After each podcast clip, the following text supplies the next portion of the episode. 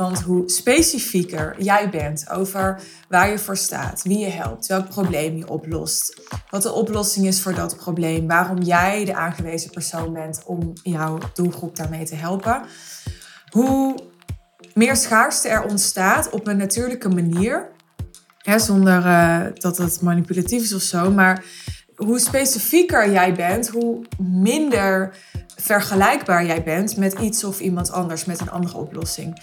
En hoe minder vergelijkbaar jij bent, hoe meer jij waard wordt voor wat voor jou de ideale klant is.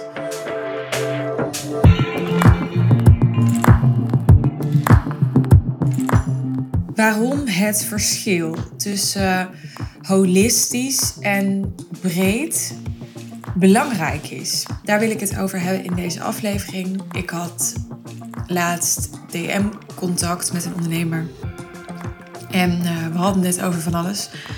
Over andere, onder andere over of um, Steve Jobs een coach had mogen hebben die hem holistisch benaderde.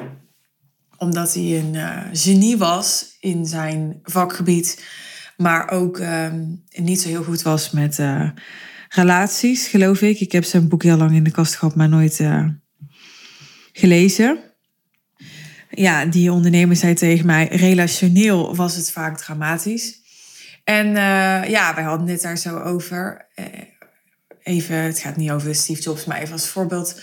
Over of dat het dus belangrijk is om als ondernemer holistisch gecoacht te worden. Maar ook ja, of het dus belangrijk is om als ondernemer met een coachingsbedrijf ja, je klanten holistisch te helpen en ook holistisch te zijn in je marketing. En nou ja, we waren een beetje zo dat woord holistisch aan het ontleden. En wat ik, um, ja, wat ik interessant vond aan het gesprek is dat ik merkte er is, een, uh, ja, er is echt een belangrijk nuanceverschil wat mij betreft tussen uh, holistisch en breed. Want als ik bijvoorbeeld kijk naar wat ik doe met mijn klanten. Um, mijn klanten zijn allemaal ondernemers die uh, hun klanten op een bepaalde manier, en dat verschilt per ondernemer, holistisch helpen. Waarom? Omdat het allemaal ondernemers zijn die zich richten op een grote transformatie voor hun klanten. En ik geloof dat een grote transformatie die uh, duurzaam is en die echt life-changing voor iemand is, um, dat die altijd een holistische aanpak vraagt. Want als er geen holistische aanpak is, dan is er dus een soort symptoombestrijding of een aanpak die, ja, uh, hoe zeg je dat? Heel erg. Uh, fragmenteel, is dat een woord? Die maar een fragment, een stukje aanpakt. En dat gaat nooit de grootst mogelijke transformatie geven, denk ik.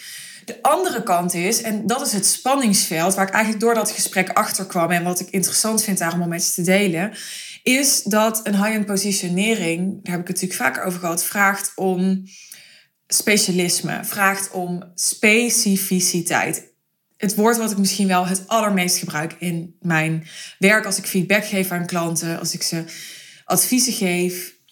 Hoe kan je meer specificiteit in je bedrijf brengen? In je messaging, in je niche, in je visie. Want hoe specifieker jij bent over waar je voor staat, wie je helpt, welk probleem je oplost, wat de oplossing is voor dat probleem, waarom jij de aangewezen persoon bent om jouw doelgroep daarmee te helpen hoe meer schaarste er ontstaat op een natuurlijke manier.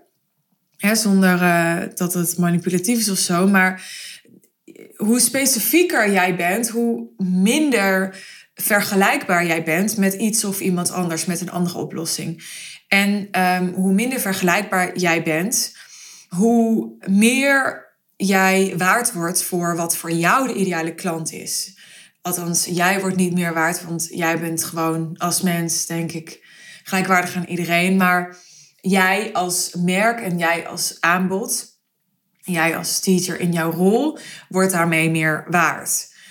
En de, er is dus een spanningsveld tussen aan de ene kant uh, holistisch werken, holistisch zijn, een holistische visie hebben voor jouw klanten. En aan de andere kant de specificiteit die je wil zoeken. En nou, door dat gesprek dat wij hadden op de DM, realiseerde ik me dat dit waarschijnlijk ook is wat soms verwarring kan veroorzaken voor ondernemers. En waar veel ondernemers nat op gaan. Want aan de ene kant ja, voelen ze van het, het probleem waar ik me op richt moet niet te klein zijn. Er moet eigenlijk een grote behoefte zijn. Er moet urgentie op zitten, er moet prioriteit hebben, maar het moet groot voelen voor iemand dat er nu iets moet veranderen. Dat, dan snappen we dat iemand ook bereid is om er veel geld in te investeren. En aan de andere kant moet eigenlijk heel gericht zijn wat je vervolgens met die persoon gaat doen. En moet dat heel helder zijn, moet het heel gericht zijn, moet het heel toegespitst zijn. En het, het, het moet een specifieke expertise vragen, omdat ja, high-end klanten vragen om experts. Ze willen namelijk op de best mogelijke manier geholpen worden. Dat betekent dat ze door de besten geholpen willen worden. En de besten in hun vakgebied zijn de experts. Nou, hoe ga je om met dat verschil tussen ehm, holistisch en breed? Want specifiek en diepgaand en gericht, dat is allemaal in deze context min of meer het tegenovergestelde van breed. dus je wilt diep gaan met klanten, je wilt gericht werken met klanten en dus niet in de breedte, maar dus wel holistisch. En wat betekent dit nou in de praktijk? Nou, volgens mij betekent het in de praktijk dat je, ehm, als het gaat om jouw aanpak en als het gaat om jouw methodiek, echt van de wortel tot en met de symptomen en alles wat ertussen zit, dat hele proces, dat pak je aan. Dus in jouw werkwijze probeer je um, zoveel mogelijk mensen bijvoorbeeld te helpen met een combinatie van, ik zeg altijd, kennis, vaardigheden en mindset. Dat is in het geval van vooral ja, meer cognitieve coaching. Maar als je bijvoorbeeld uh, ja, ook lichaamswerk gebruikt of dat soort dingen, dan kan je dat inzetten. Um, ik denk echter dat je dan wellicht uh, met dat lichaamswerk ook weer een van die drie leert of teacht aan jouw klanten. Dus dat je met lichaamswerk ze bijvoorbeeld vaardigheden leert waarop ze hun zenuwstelsel kunnen kalmeren. Ik noem maar even wat. Maar ja, zoals ik het heb geleerd en ervaren in de afgelopen jaren, uh, is er altijd een combinatie nodig bij klanten voor een grote transformatie van nieuwe kennis die ze tot zich moeten nemen, nieuwe vaardigheden die ze te ontwikkelen hebben en een mindset shift die ze te maken hebben. En uh, het verschilt natuurlijk per coach, eh, therapeut, consultant, wat jouw aanpak is om die kennis over te brengen, die vaardigheden te ontwikkelen met je klant en die mindset shift te realiseren. Maar daar zit het holistische in. Dus het is niet alleen maar kennis overbrengen, zoals bijvoorbeeld regelmatig in een online cursus gebeurt. Daar kun je gewoon kennis consumeren. En je wordt misschien ook wel uitgedaagd om vaardigheden te ontwikkelen, maar eh, deze heb ik net niet genoemd. Het is ook een belangrijke. Er mist in zo'n online cursus zonder persoonlijke begeleiding over het algemeen accountability. Dus een stok achter de deur waardoor iemand het ook echt gaat doen. En uh, dat voelt misschien heel erg betuttelend. Zo van, ja, uh, alsof ik iemand nodig heb die zegt, ja, en nu moet je dat gaan doen. Ja, en toch 90% van de online programma's die mensen kopen, worden niet eens geopend. Dus daar heb je accountability al. En het is gewoon heel makkelijk als er geen ja, begin- of einddatum is, of als er geen vaste momenten zijn met deadlines waarop iets gedaan moet worden of iets gevolgd moet worden of wat dan ook, om het vooruit te schuiven. Dat is gewoon heel erg mens eigen en is echt niet alleen iets voor sukkels of zo.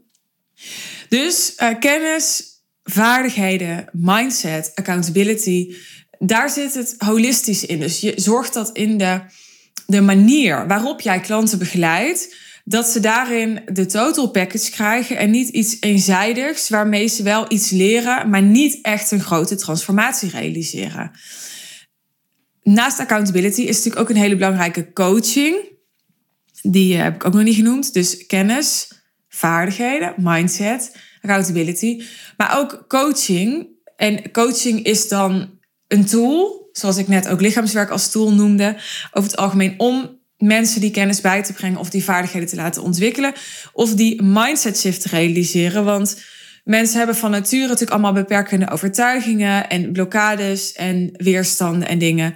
En de coaching die helpt ze daar overheen, waardoor ze echt ook ja, heel anders gaan denken en hun mindset verandert. Maar dat alles, dus de manier waarop je coacht en de manier waarop je uh, die kennis op de meest effectieve manier bijbrengt bij mensen en de manier waarop je ze feedback geeft waardoor ze die vaardigheden ontwikkelen. En daar zit het holistische in. Maar um, de diepgang en de specificiteit die ik net noemde, die zit in jouw niche en in jouw messaging in jouw propositie. Nou, ik ga nog heel even die termen toelichten. Wat voor mij de definities zijn, hoe ik die termen definieer. Een niche is de combinatie van de doelgroep waar je je op richt, het probleem dat die doelgroep ervaart en de oplossing die jij biedt om dat probleem op te lossen. Mensen denken nog wel eens dat niche alleen doelgroep is, maar het is dus een combinatie van die drie. Nou, daar wil je specifiek in zijn, want hoe specifieker je bent, hoe gerichter je bent voor een kleine groep, hoe groter jouw waarde voor die groep is, voor die specifieke mensen. Je messaging is de manier waarop jij praat tegen die doelgroep of de manier waarop je jouw waarde op die doelgroep overbrengt. Dus eigenlijk de boodschap die je voor hen hebt over wat jij voor hen kunt betekenen. Dus eigenlijk gewoon uh, de woorden waarmee je tegen jouw niche praat of hoe je jouw niche verwoordt.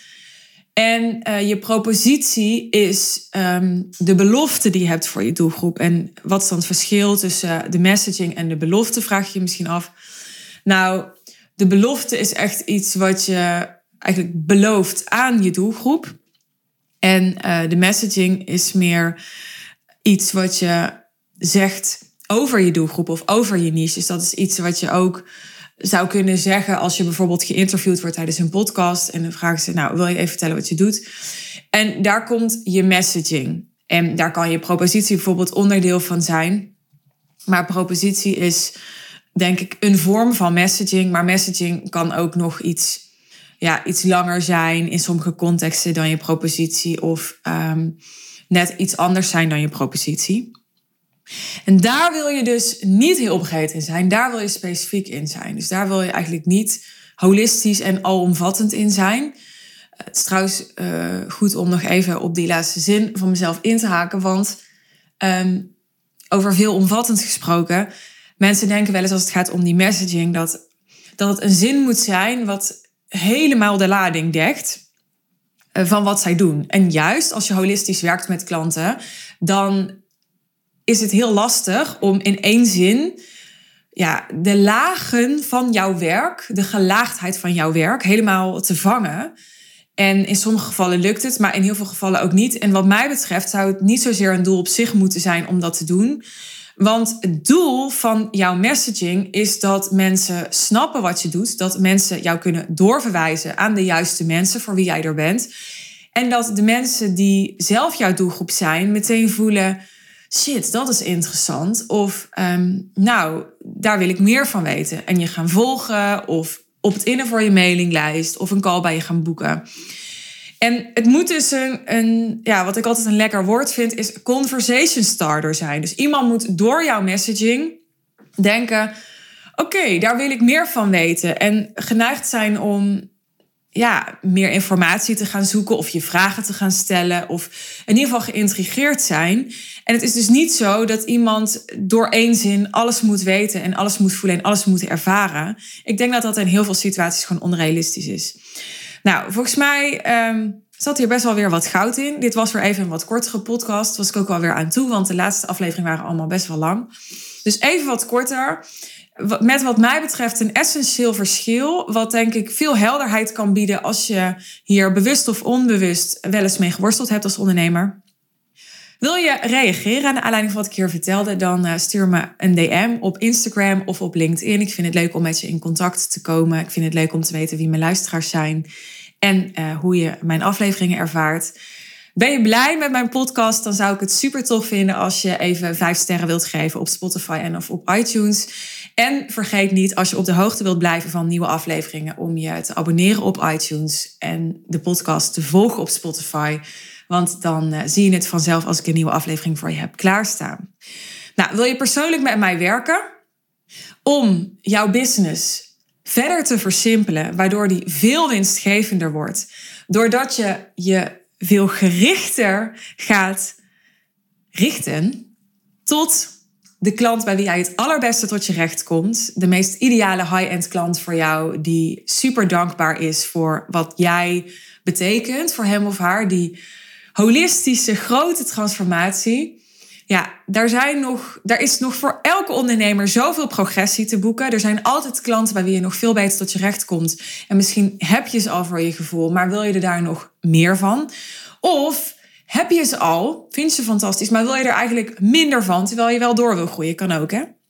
Nou, in de show notes vind je het linkje naar uh, onze website, mijn salespage, om persoonlijk met mij te werken. Dus vind je dat interessant? Wil je met ons in gesprek daarover? Ga naar de show notes, boek je call. Ik spreek je heel graag. Dankjewel voor het luisteren en graag tot de volgende aflevering. Bye bye.